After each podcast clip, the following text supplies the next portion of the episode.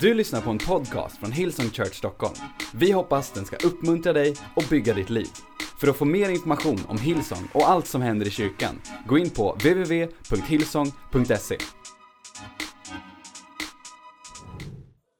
Live to give är titeln på dagens predikan. Vad lever du för? Vad har du, vad har du som mål att lämna efter dig här på jorden när du är klar? Vad, vad, har, har du ens tänkt på det? Eh, jag funderar på när jag gjorde den här predikan äh, ganska sent igår. Vad är det som får människor att bli ihågkomna? Och det som får människor att bli ihågkomna efter de har dött är ju vad de faktiskt har bidragit med medan de var här. Det finns ju så många människor som har levt som ingen vet vilka de är. Som ingen kommer ihåg, som i, de är max ett kommatecken eller de är max ett, eh, ett namn i folkbokföringen, vilket i sig inte är fel. Men vad är det som gör att det finns människor vi alltid återvänder till och pratar om? Och när jag tittar på dem så inser jag att allihopa av dem finns kvar i våra minnen på grund av vad de gav. På grund av vad de bidrog med. Nelson Mandela, han gav 29 år av sitt liv för frihet från apartheid i Sydafrika. Han tyckte det var rimligt att ge upp för att andra skulle få. Vi kommer ihåg honom. Vi firar Nelson Mandela Day idag därför att han var villig att ge av primen i sitt liv. Titta på Moder Teresa som gav upp bekvämlighet, gav upp eh, alla möjliga opportunities som regeringar gav henne av att bli regent eller få upphöjda positioner. Och hon gav av sig själv när hon, när hon tyckte att det var bättre för henne att leva i Calcutta bland utslagna människor för att kunna ge dem ett framtida hopp. Och vi kommer ihåg henne på grund av vad hon gav. Allt hon sa, allt hon gjorde hittade sin credibility i det som hon gav. William Booth, Frälsningsarméns grundare. Vi kommer ihåg Frälsningsarmén och Frälsningsarmén är kanske den kyrkan som har bäst rykte. Mest välkänt bland människor på grund av det som William Booth uppfann. Soppa, tvål och frälsning var hans tre ledord. När han gav till människor och etablerade det. Jag har studerat Philadelphia kyrkan väldigt mycket sista åren. Inne i Stockholm. Den här stora byggnaden som byggdes inte av rika människor. Utan som till största delar finansierades av ensamstående hembiträden. Lågavlönade människor som jobbade som hembiträden och annat. Som i år bar sina skor i handen och gick till kyrkan för att inte slita på sulorna. Så att man kunde ge mer till att bygga den här byggnaden. Familjer som inte åt kött på flera år utan bara potatis och sås för att kunna ge mer till att bygga en kyrka som skulle förändra människor in i stan. Människor gjorde enorma uppoffringar och när depressionen slog till så köade människor runt om hela kvarteret för att få soppa. Och därför att människor gav någonting. Jag tänker på alla kids som växer upp. Inte minst här i norra det vi är välsignade med fantastiska kidsfaciliteter. Jag vet när jag växte upp då fick man en sax och ett äpple och något att klippa i. Här har vi lekland och här har vi kreativa saker och veckans minnesvers och fantastiska ledare som ger sitt bästa. Jag är övertygad om att den generation som, av barn som kom in här i norra och det vi gör i city. Och tack gode Gud att vi är en dag närmare våra egna lokaler i city. Och runt om i våra locations i södra Göteborg och Jönköping och Örebro. Barn som växer upp som kommer tänka tack gode Gud för de förutsättningarna som jag fick. Och därför att det fanns en generation som gav. Jesus givetvis gav sitt liv. Det, det som ger honom ett värde över alla andra på våran jord är att han gav sitt liv. Jag vet inte om du har tänkt på det, men alla andra religioner handlar om vad vi ska ge upp. Vad vi ska offra. Jag kanske ska sänka monitorn lite, den rundar lite här. Alla andra religion- religioner handlar om vad vi ska ge upp. Vad vi ska uppnå. Medan Jesus är den vägen till Fadern så säger jag att vägen till Fadern finns på grund av vad Jesus gav. Frälsning, förlåtelse och upprättelse bottnar i att han redan gav. Live to give. Våra liv kommer sätta ett avtryck i historien och runt om i våra familjer, i våran värld. På grund av det vi ger. Det är därför det finns en sån kamp kring givande. Därför att djävulen vet att om man kan hindra oss från en uppenbarelse av generositet så eliminerar han våra chanser att faktiskt skapa en långsiktig förändring. Girighet självupptagenhet, självfokusering paralyserar den värld som vi lever i. Paralyserar. En del säger, Andreas, hur kan det finnas krig när Gud finns? Hur kan det finnas fattigdom i Afrika? Och om du bara lägger lite tid på att se hur många av de fattigaste länderna är konstruerade, så finns det en liten grupp människor som till kostnaden av krig, död och, och misär och svält för ett helt land fångat, tillfångatar hela nationer för att suga ut deras resurser och tycker att det är rimligt att några stycken kapitaliserar. Men medan de stora och största delarna lever kvar i fattigdom och misär.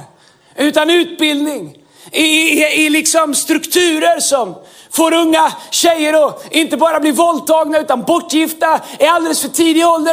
Där det är en samhällsstruktur egentligen gör, är skapat för att alla resurser ska stråla uppåt. Det är vi som har skapat det, inte Gud. Det som är skillnaden på Jesus och alla andra religioner är att Jesus sa att jag har redan gett allt. Allt ni behöver göra är att tro på det och ta emot det. Alla andra religioner säger om du gör tillräckligt bra ifrån det kan du uppnå. Men det är också därför, för att vi kan välja, som vi har chansen att välja annorlunda. Det är också därför vår värld ser ut som den gör.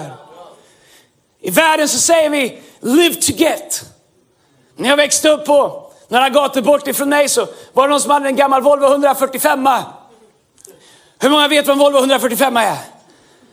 Det är skönt att åtminstone en tredjedel vet det. Det är jobbigt att tillhöra den äldre tredjedelen nu för tiden i vår kyrka.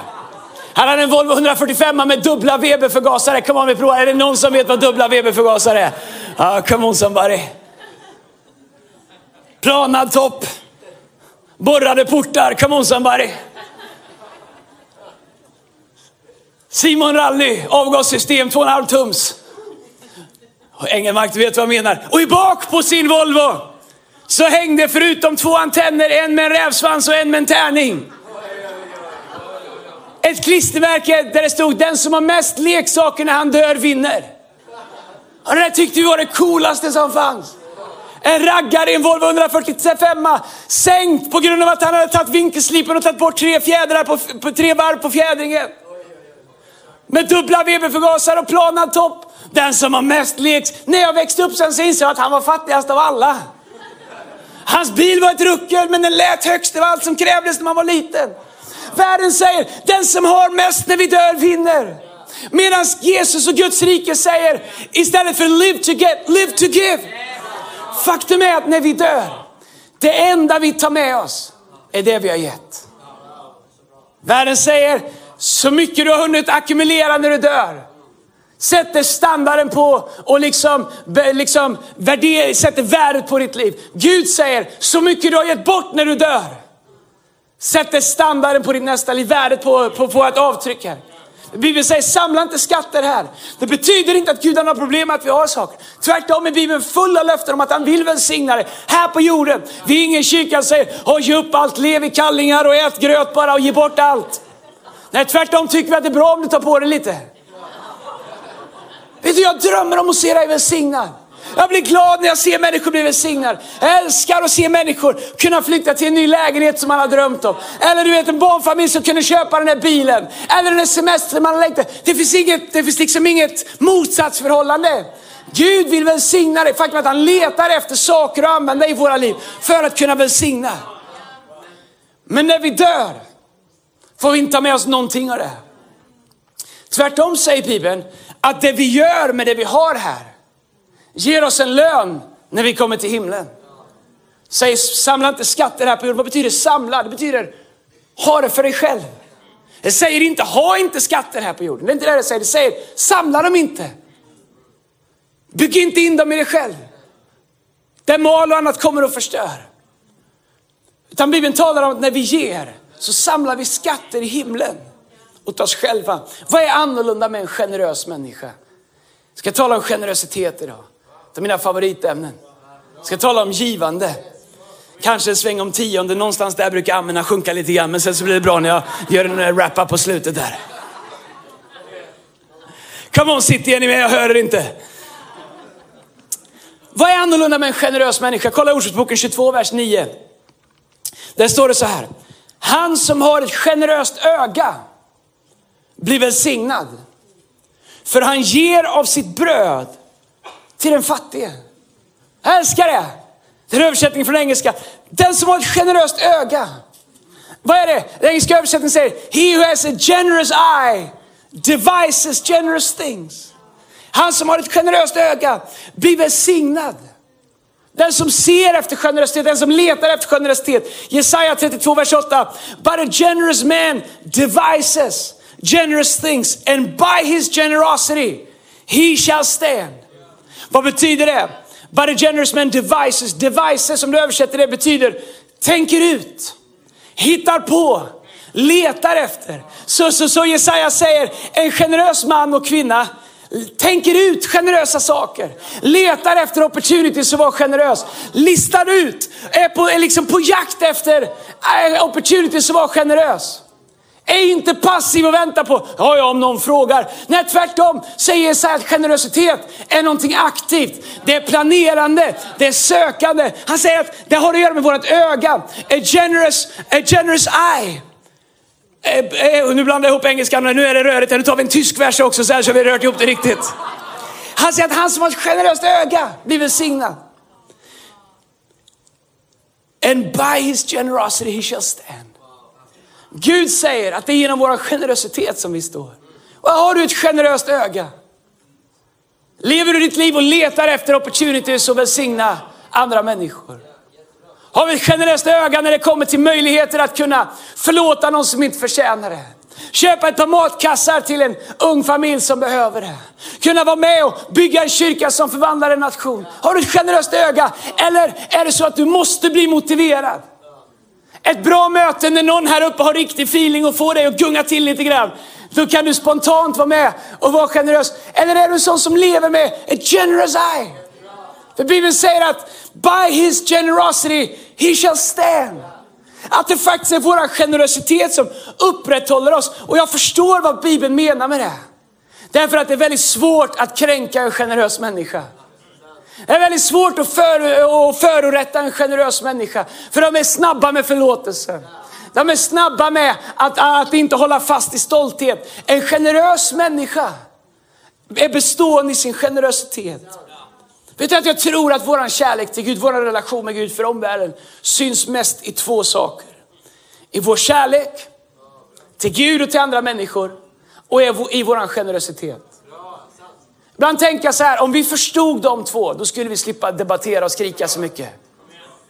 Jag undrar ibland om mycket om allt noise som vi gör, allt oväsen, allt liksom skrammel som vi gör. En kompensation för att det inte är tillräckligt tydligt märks i våran kärlek och våran generositet. Vad Gud har gjort i våra liv och vem Gud är i våra liv. Det skulle hända om hela Stockholm så fort de tänker på en kyrka Tänk dig kärlek och generositet. Fascinerande med Frälsningsarmén. Säger du Frälsningsarmén till någon så tänker de generositet, hjälpa de svaga. Om du inte är från Tidaholm då tänker vi på något helt annat. För det sa man, den som är stor och stark får gå till Folkets park, den som är liten och klen får gå till Frälsningsarmén.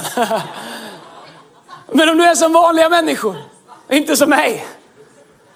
Vad tänker man på när man säger Hillsong? Oh, vilka lampor, vad är det värt? Säger till en av dig. Aldrig sett en lampa frälsaren, tack gode Gud att vi har dem, annars skulle jag stå och skrika i mörkret här. Tänk om det när våra arbetskamrater tänkte på oss och de tänkte, kärlek, generositet. När våra grannar tänkte på oss, alla ni som smiter från städdagarna, come on somebody, i bostadsrättsföreningen. Guilty. Kärlek, generositet. Vet du hur irriterad jag var när jag var med i en bostadsförening? Varenda gång jag kom, jag hade lite ansvar för snö. Jag sa så här, jag tar hand om maskinerna. Man vill ju hellre ha något som låter än stå och kratta och. Så jag sa, jag tar snöslungan, jag tar åkargräsklipparen och jag tar motorsågen. Jag sköter om dem. Men när jag kom och såg den, att den, att den var tom på bensin när man stod där och drog. Alltså det är, det är otroligt frustrerande. Du tycker det spelar väl ingen roll? Nej, kanske inte för dig. Men tänk bara det att de vet att det är jag som har haft den när de kommer tillbaka. Den full med bensin, den är rengjord, den, liksom, den är perfekt skit. Jag tänker, wow, han lämnar den så. Tänk om det är så att allt i vårt liv är ett vittnesbörd om Kristus. Live to give. Generositet. Första Korintierbrevet, eller andra Korintierbrevet kapitel 8, så talar Paulus till kyrkan i Korinto. Det är väldigt fascinerande jag ska läsa det på engelska. Om du tycker varför läsa så mycket på engelska? Ja, det kan man undra. Men nu är det så. Just idag. Var generös, alright? Paulus skriver till dem, de är otroligt fattiga. De lever i fattigdom, i svält, kyrkan i Korint. Otroligt hårt ansatta. Liksom pressade utav romarriket. Har ingenting. Så gör de en insamling till Titus och en insamling till Paulus för att evangelium ska sprida. Och Paulus berömmer de här i andra Korinthierbrevet kapitel 8, vers 1 när han skriver så här, engelska översättningen. Det är några ord jag vill lyfta ut, det är därför jag läser det här på engelska. Now friends, I want to report on the surprising and generous way in which God is working in the churches of Macedonia, in, in Macedonia province. Fierce trouble came down on the people of those churches. Pushing them to the very limit. The trial exposed their true colors. Älskar det. Prövningen exponerade deras verkliga färg. They were incredibly happy. Though desperately poor. The pressure triggered something totally unexpected. An outpouring of pure and generous gifts. Det är helt sjukt. Kan man ens predika det?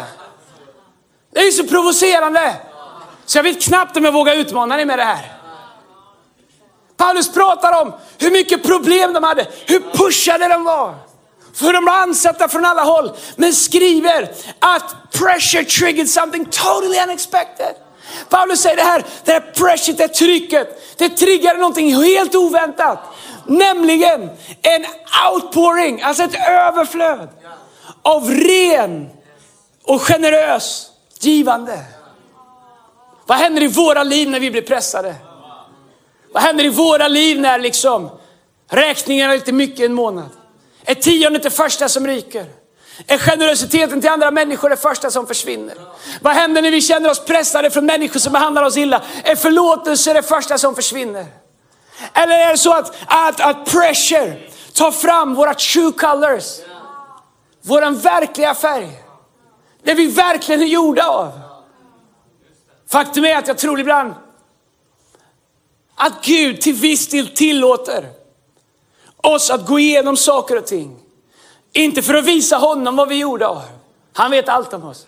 Men för att exponera för oss själva våra true colors. Så att vi kan bli bättre. Han gör alltid med ambitionen att hjälpa oss, aldrig för där, nu ska ni få se. Så vad hände med dig? Och vad hände med mig? Bibeln säger att de var fattiga och de hade bekymmer. Men de var generösa och de var glada. Alltså han säger att det inte, är inte att de är rika och utan problem som gjorde dem glada och generösa. Utan deras generositet och deras glädje var inte baserat på omständigheterna. Det var inte så, nej nu fick inte jag sjunga solo, nu är jag inte med och ge längre. Nej, nu predikar Andreas för mycket, nu är jag inte med och ge längre. Nej, nu sjöng de den sången igen, den gillar jag inte, då är jag inte med i kollekten. Nej, jag säger att det var inte linkat till varandra. Omständigheter, det var en sak. Givandet, det var ett överflöd av det som fanns på insidan av dem. Många tror att generositet och glädje är ett resultat av att vi inte har några bekymmer. Eller att vi har allt vad vi behöver. Men Paulus berömde dem för att deras glädje och generositet inte var baserat på deras omständigheter utan på vad Gud hade gjort i deras hjärta. Vet du, jag tror att generös, generositet är alltid en frukt av att Gud är i våra liv. Och egentligen tror jag att det är så här. Ju mer av mig som Gud har. Jag pratar inte om frälsning. Du kan vara frälst, ha din själ räddad och precis klara över mållinjen. Jesus älskar dig. Men det finns ett liv att leva, leva här nere som Gud har tänkt för oss. Jag tror att min generositet är ett av de bästa tecknen på hur mycket av mig, av mitt liv här som Gud faktiskt har fått. Och det är inte alltid en rolig tanke att tänka.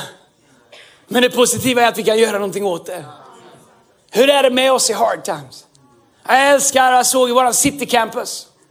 När vi bara visste några dagar innan att vi kan inte ha våran lokal för, för bryggarsalen. Och se att det fanns true colors. Som sa att det spelar ingen roll om vi inte får en lokal. Vi hittar ett annat sätt. En generös förhållningssätt. Åh, nu ska vi vara nere i Hammarbykyrkan. Nu ska man ta grön linje till Gullmarsplan. Sen får man gå forever. Jag vet inte ens vad det är. Inte Gullmarsplan. Det var en annan tunnelbanestation man tog där. Jag är inte helt uppdaterad på gröna linjen. Och, eh, och sen så får man gå långt dit och sen får man vänta och grejer. Och, och det är inte bra. Och det, det är svårt för våra team att få det att funka. Och det är en gammal byggnad. Men vet du, inget gnäll. Inga problem. Fullsatt hela vägen bort. Människor som står överallt. Vet du vad jag älskar med vår kyrka? Ju mer eh, problem vi får, ju mer visar sig våra verkliga färger.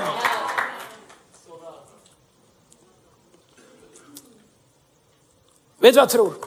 Sorry, jag är bara lite pastor här och det kanske inte ens är en predikan. Jag kanske borde sätta mig här, men då ser de inte i kameran. Jag tror att det första som sker när någonting får komma åt våra hjärtan är att generositet och glädje försvinner. Det första tecknet på att någonting kommer åt våra hjärtan, på att vi låter våra hjärtan drifta, på att vi tar en oförrätt eller att vi, vi låter någonting komma åt våra hjärtan. Det är att våran, vår, våran glädje och våran generositet försvinner. Man kan se, höra det i konversationer. Man kan se det i hur människor liksom positionerar sig själva. Någon känner, vi kan känna oss ofördelaktigt behandlade. Vi kan känna oss orättvist liksom. Nu var det inte min tur eller whatever och alltihop det här. Jag vet vad, tack gode Gud för. Nu, jag, jag vet att jag skryter om att vara våra locations, men det, vi, jag skulle säga rent byggnadsmässigt så här i norra är vi välsignade med den bästa byggnaden av alla våra locations. Tack gode Gud. Men vad enkelt det vore för våra andra locations att säga, oh, vi har ingen byggnad som i norra och då är det ingen idé. Nej, tvärtom. Den entusiasm som finns här, det här är vad vi har och det här ska vi göra någonting med, är otroligt inspirerande. Det här som jag gjort i norra med den här fantastiska lokalen för några år sedan när vi började drömma om vad vi skulle kunna göra och se hur kyrkan slöt upp allt som vi har gjort, allt som vi har kunnat genomföra, hur vi har fyllt det här rummet och hur vi har fyllt varje kid, varenda vrå av kidslokalerna är fyllda här idag. Men vet du vad? Det är tragiskt att se människor som en gång brann, som kände liksom att de blir trampade på tån och de låter det komma åt sitt hjärta. Så ser man att glädjen försvinner. Det första människorna ofta när de känner sig, liksom någonting kommer åt deras hjärta, det första som sker är att de håller tillbaka sitt givande.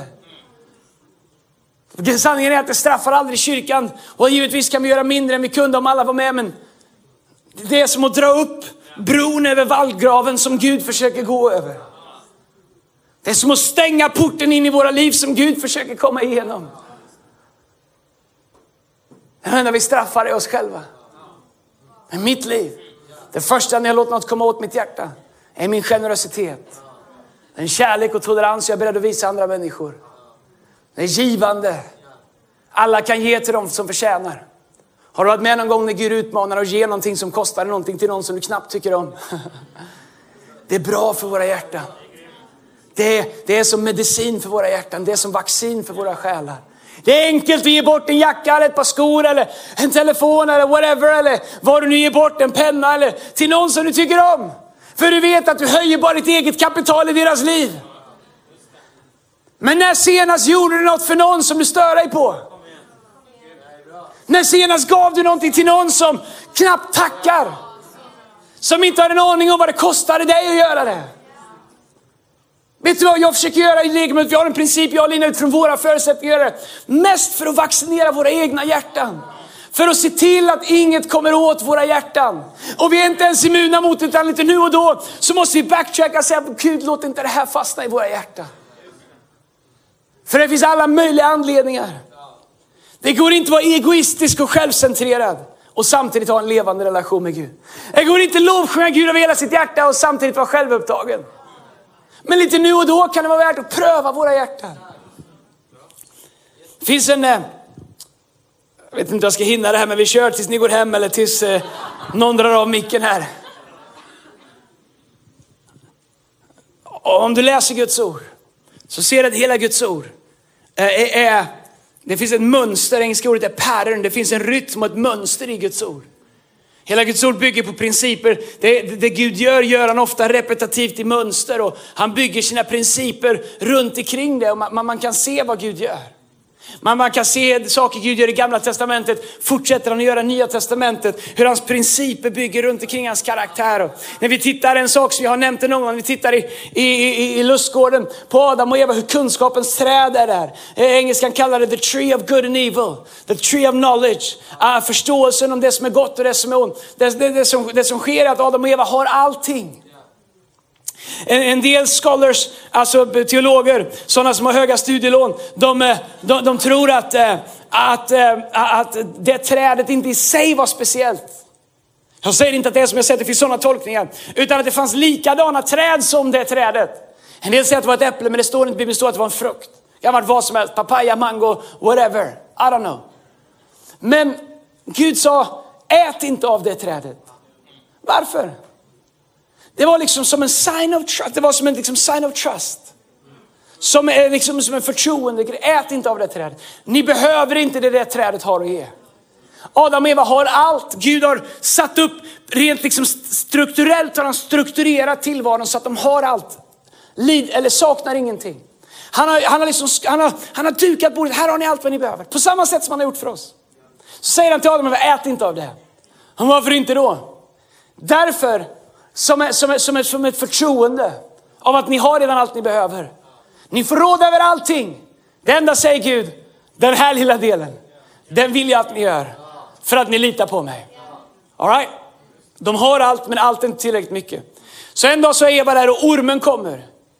Och ormen säger samma sak som ormen alltid säger. Skulle Gud verkligen ha sagt. Givande. Skulle Gud verkligen ha sagt. Är inte det där gamla testamentet? Är inte det där liksom, var inte det där förr? Skulle Gud verkligen ha sagt? Det är så han kommer åt vårt hjärta när det kommer till givande. På samma sätt som ormen sa till Eva, skulle Gud verkligen ha sagt?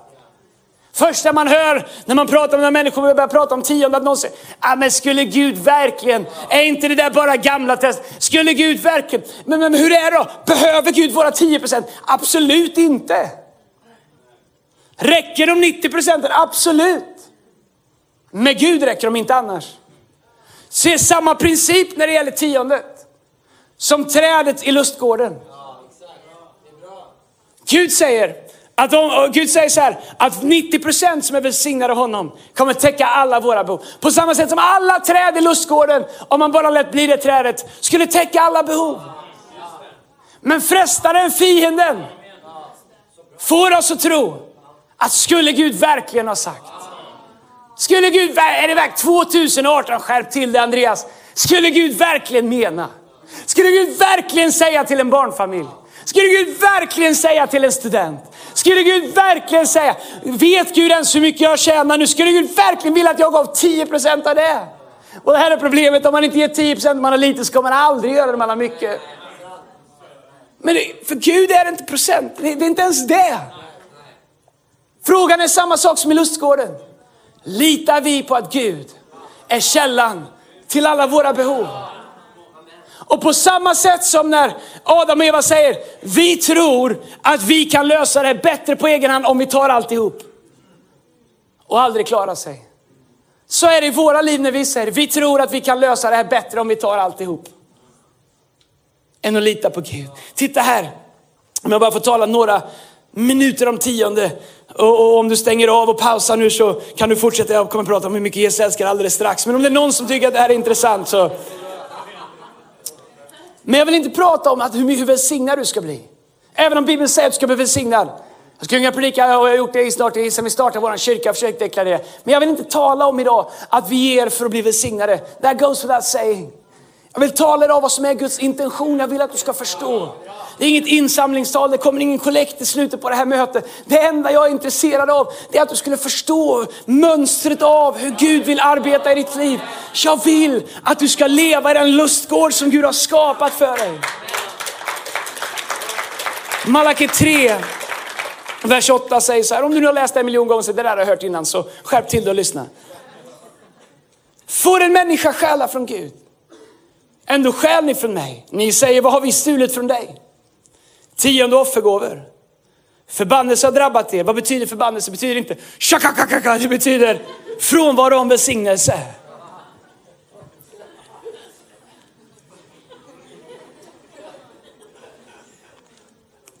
För att ni och hela folket skäl för mig. Bär in fullt tionde.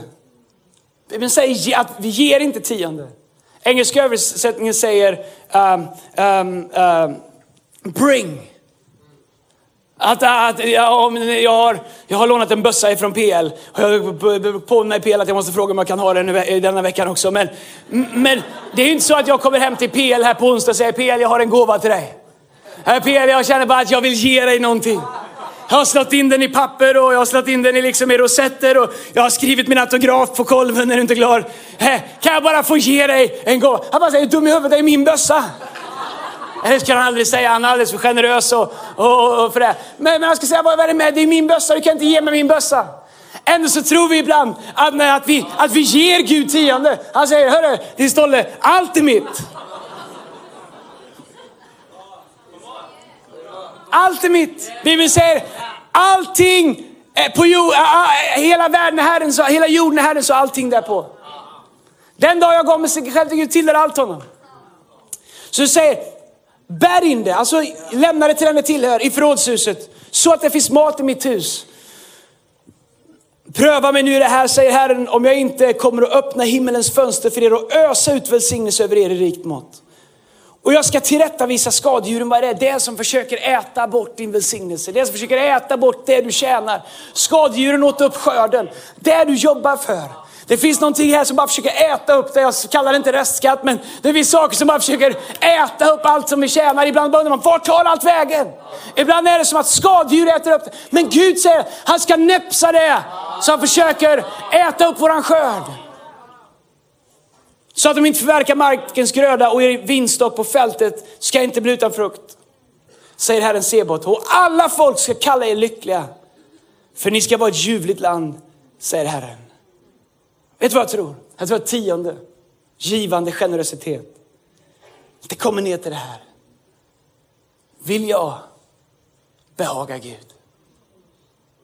Vill jag behaga Gud? Är det viktigt för mig att behaga Gud? Vi kan se så många exempel i Bibeln på människor som började med en längtan efter att behaga Gud. David säger en dag i dina gårdar är bättre än tusen andra. Lite senare så struntar han in och göra det Gud hade kallat honom till. Var uppe på ett tak, såg en snygg tjej, gjorde henne med barn och höll på att tappa alltihop. Någonting hände från Gud en dag, är bättre, en dag med dig är bättre än tusen andra. Familjäritet och vardag. Tappade bort det här att vi vill behaga Gud. Den här känslan av ah, awe, of reverence. Salomon sabbar i slutet. Simson, stark, smorda Gud, slår ihjäl tusen filister med en åsnekäke. My God, det är jakt på riktigt. Lite senare så ligger han med sitt huvud i Delilahs knä och låter henne klippa av hans, hans flätor. Om du inte vet vad storyn är, ursäkta, du kan googla och läsa den i bibeln, spännande historia. Vi måste vaka över våra hjärtan. Att vi inte tappar bort vår längtan. Om jag får säga till dig som är troende här idag. Att vi inte tappar bort heligheten i att faktiskt vilja behaga Gud. Att vilja vara Gud. Leva liv som är välbehagliga för Gud. Att ära Gud. Att hedra Gud med våra liv. Att faktiskt sätta honom först i våra liv. Att låta honom vara Herre i våra liv. Jag vill behaga Gud. Jag känner inte alltid att det sker. Men jag vill leva ett liv som behagar Gud. Jag vill inte leva ett liv som bara ger likes. Det räcker inte för mig att vara en omtyckt pastor. Vilket jag i mitt huvud tror att alla tycker om mig. Om du inte gör det så säg inte det till mig, låt mig leva den illusionen. Men det är inte mitt mål. Mitt mål är inte att vara omtyckt. Jag vill behaga Gud. Jag vill leda en kyrka som behagar Gud. Jag vill bygga ett hus som behagar Gud. Det är inte viktigt för mig att ens vara förstådd alltid av samtiden. Jag vet att för mig undervisar en sån här predikan, den kommer komma på podcast och jag vet att vanligtvis när jag gör det så får jag ett varv i media. Det fick jag senast jag talade om givande tionde. Det är vad det är. Om ni lyssnar på det här media, det är vad det är. Jag tror på det här. Jag vill leva ett liv som behagar Gud. Jag vill att allting ur mitt liv ska vara Gud välbehagligt. När man tänker på det fruktansvärda som hände i veckan. Här. En man i min ålder går hem för tidigt och lämnar efter sig fru och barn. Så tänker jag att jag vill behaga Gud. Jag som fick chansen att vara kvar. Jag vill behaga Gud. Och när det kommer till givande och tionde så det enda det handlar om är vilja att behaga Gud, viljan att, att, att leva i den lustgård som Gud har satt upp för mig och säga Gud att jag kan låta bli det där trädet, det tillhör dig Gud. Jag tror att den, den lustgård du har byggt åt mig kommer möta alla mina behov.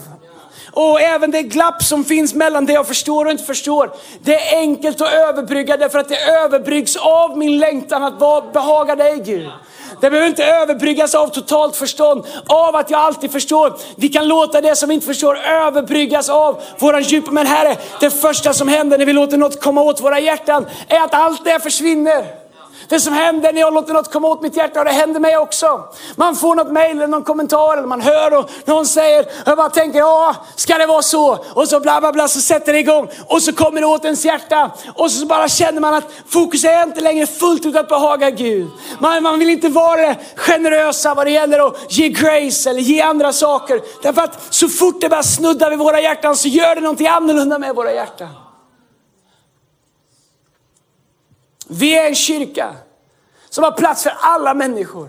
Du behöver, inte, du behöver inte förställa det på något sätt. Om du är det som inte ens tror på Gud, du är extra varmt välkommen. Du, du behöver inte ens tro på Gud för att vara välkommen här. Men oavsett vart vi är i vår vandring med Gud, så kan vi leva liv som behagar Gud. Även om vi känner att allt jag gör misslyckas. Därför att det är vår längtan och vår strävan. Bibeln säger att människor ser till utsidan men Gud ser till hjärtat. Första Samuelsboken eh, 15 tror jag att det är. Gud ser till hjärtat. Våran vilja och längtan att behaga Gud. Skulle Gud verkligen ha sagt. Men psalm 14, vers 1 så står det så här, dåren säger i sitt hjärta, det finns ingen Gud. Det Gud har sagt, det gäller inte längre. Dåren säger i sitt hjärta, det finns ingen Gud. Onda och vidriga är deras gärningar. Ingen finns som gör det goda. Lyssna här. Herren blickar ner från himlen och det här är vad jag vill att du ska fånga idag. Herren blickar ner från himlen över människors barn för att se om det finns någon som förstår. Någon som söker Gud. Vad letar Gud efter? Någon som förstår. Han hade inte sagt det om det hade varit självklart att alla ska förstå det här. Att alla ska fånga det. Vet du vad? Vill du vara en människa som förstår? Jag vill vara en människa som förstår. Jag vill förstå Guds principer. Jag vill förstå vad det är Gud försöker göra. Jag vill förstå, men även när jag inte förstår så vill jag leva ett liv som söker Gud. Han letar efter vadå? Någon som förstår, någon som söker Gud. Med det jag förstår vill jag följa, med det jag inte förstår vill jag söka honom i. Om vi gör det, så är Bibeln full med mer än 3000 löften om hur Gud har lovat att bygga ditt liv. Inte han har lovat att bygga vår kyrka, han har lovat oss att få ett bättre barn. Nej, han har lovat att bygga ditt liv. Din familj, hålla sin hand över dina barn. Hålla sin hand över ditt företag, över ditt arbete, över din hälsa. Bibeln är full av löften. Gud har dukat en lustgård för oss att leva i. Jesus kallas den andra Adam för han kom för att återskapa det första tillståndet. Och så säger han, hej, bara den här signen av, av trust. För fullt tionde.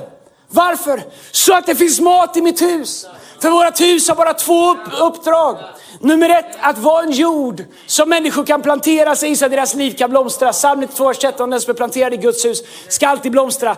Om det inte finns resurser där, varför ska människor plantera sig här och hur ska de blomstra? Så är det Guds plan för det.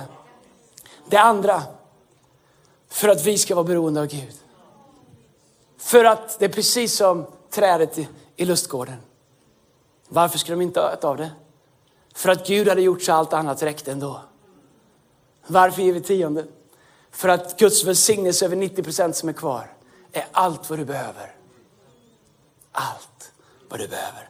All right, well, jag har gått över lite grann. Du ska, på två minuter ska du få sju punkter. Är du redo för det? Come on, om ni lyssnar snabbt så kan jag prata snabbt. Sju saker tiondet och generositet gör i våra liv. Ett, det skapar prioriteringar i våra liv. Tiondet är inte det sista vi ger, det är det första vi, vi, vi, vi, vi, vi bär in till Guds hus. Det ger oss prioriteringar i våra liv. Två, vad gör tionde och generositet? Det vaccinerar våra hjärtan mot självupptagenhet. Oh! Det är sjukt bra det alltså. My God, jag ska, sjön, jag ska gå ner och lyssna på mig själv för det var en så bra punkt. Good preaching right there! Good preaching! All right, hej, ni tar upp min tid. Vi har bara en och en halv minut kvar. Tre.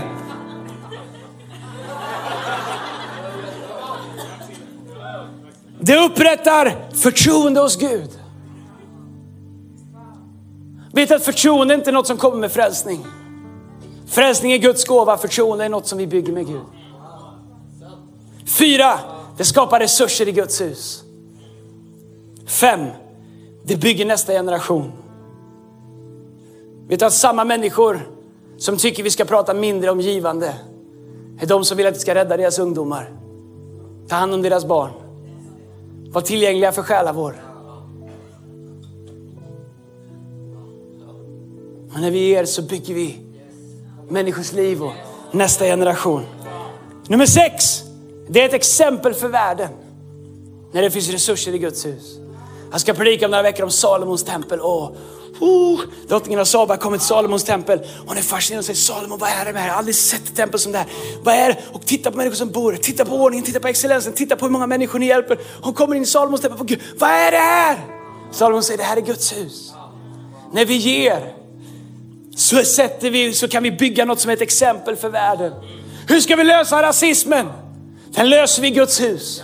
Hur ska vi lösa utanförskapen? Den löser vi i Guds hus. Hur ska vi lösa fattigdom och människor som växer upp i förorter och tänker jag har inga förutsättningar. Det löser vi i Guds hus. Om det finns resurser. Nummer sju och sist. Sju saker tionde till generositet gör. Det låter Gud vara allsmäktig i alla delar av våra liv. Lovsångsteamet kan komma upp. Första Samuelsboken kapitel 15, vers 22. Så står det så här, då sa Samuel, älskar Herren offergåvor lika mycket som lydnad? Nej, lydnad är bättre än offer.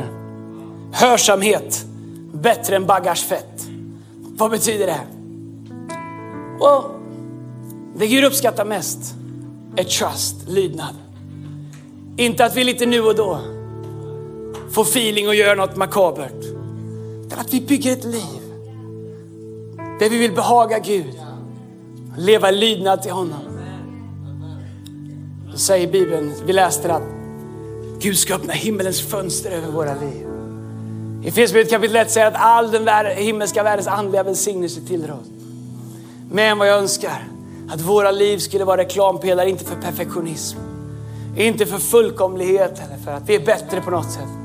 Men att våra liv skulle vara reklampelare för Guds kärlek, för Guds generositet, för Guds givmildhet, för hans godhet, för hans omsorg, för hans nåd.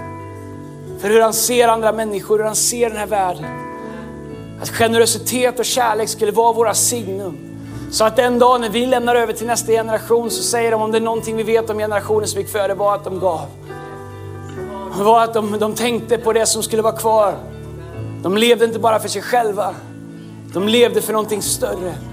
Varför skulle inte du kunna bli en Moder Teresa i din värld utifrån dina förutsättningar? Du behöver inte flytta till Calcutta, men du kan bli en Nelson Mandela eller Moder Teresa i, i, i, i ditt liv. Varför skulle inte vi kunna göra det kyrkor vi läser om i andra kyrkor där de har gjort mirakel så Gud, varför skulle inte vi kunna bygga en kyrka inne i Stockholm city? Jag vet att det är omöjligt, men omöjligt är vart Gud börjar. Omöjlighet är startblocket för det som Gud gör i Jesu namn. Och jag får tro när jag bara pratar om att vi ska äga någonting i city i Jesu namn. Kom on, ska vi stå upp tillsammans? Jag sjunger en lovsång. Här är vad jag vill. Jag ska be en bön när vi sjunger den här lovsången. Om du känner att när jag pratar om, om att det första som händer när någonting kommer åt vårt hjärta är att det påverkar vår generositet och vår glädje. Nu bara känner jag att jag har tappat glädjen. Jag har tappat min generositet. Kanske är det så att något har kommit åt ditt hjärta. Vare sig det är vilken location den lyssnar på. Jag vill inte be dig lyfta upp din hand, men jag vill att du i den här lovsången ska bara ta ett ögonblick inför Gud och säga Gud, behöver jag rannsaka mitt hjärta? Vad är det som har kommit åt mitt hjärta? Varför har jag tappat lite glädje? Varför är det så svårt med generositet? Varför när jag hör om givande är det någonting som provocerar mig? Varför inte den här lovsången bara komma inför Gud och säga Gud, Gud, om du behöver skapa ett nytt hjärta i mig, gör det. Gud, om jag behöver lämna någonting, gör det. Gud, om jag behöver omvända mig från någonting, så gör det. Come on, kan vi bara, kan vi göra varje location, vart du sitter, till ett altare i två minuter, där vi ärligt går inför Gud med våra hjärtan. Come on, Jonte, led oss i lovsång. Thank you, Lord. I give my whole life. Come on, sing that. I give my whole life to honor this love by the Lamb who was slain.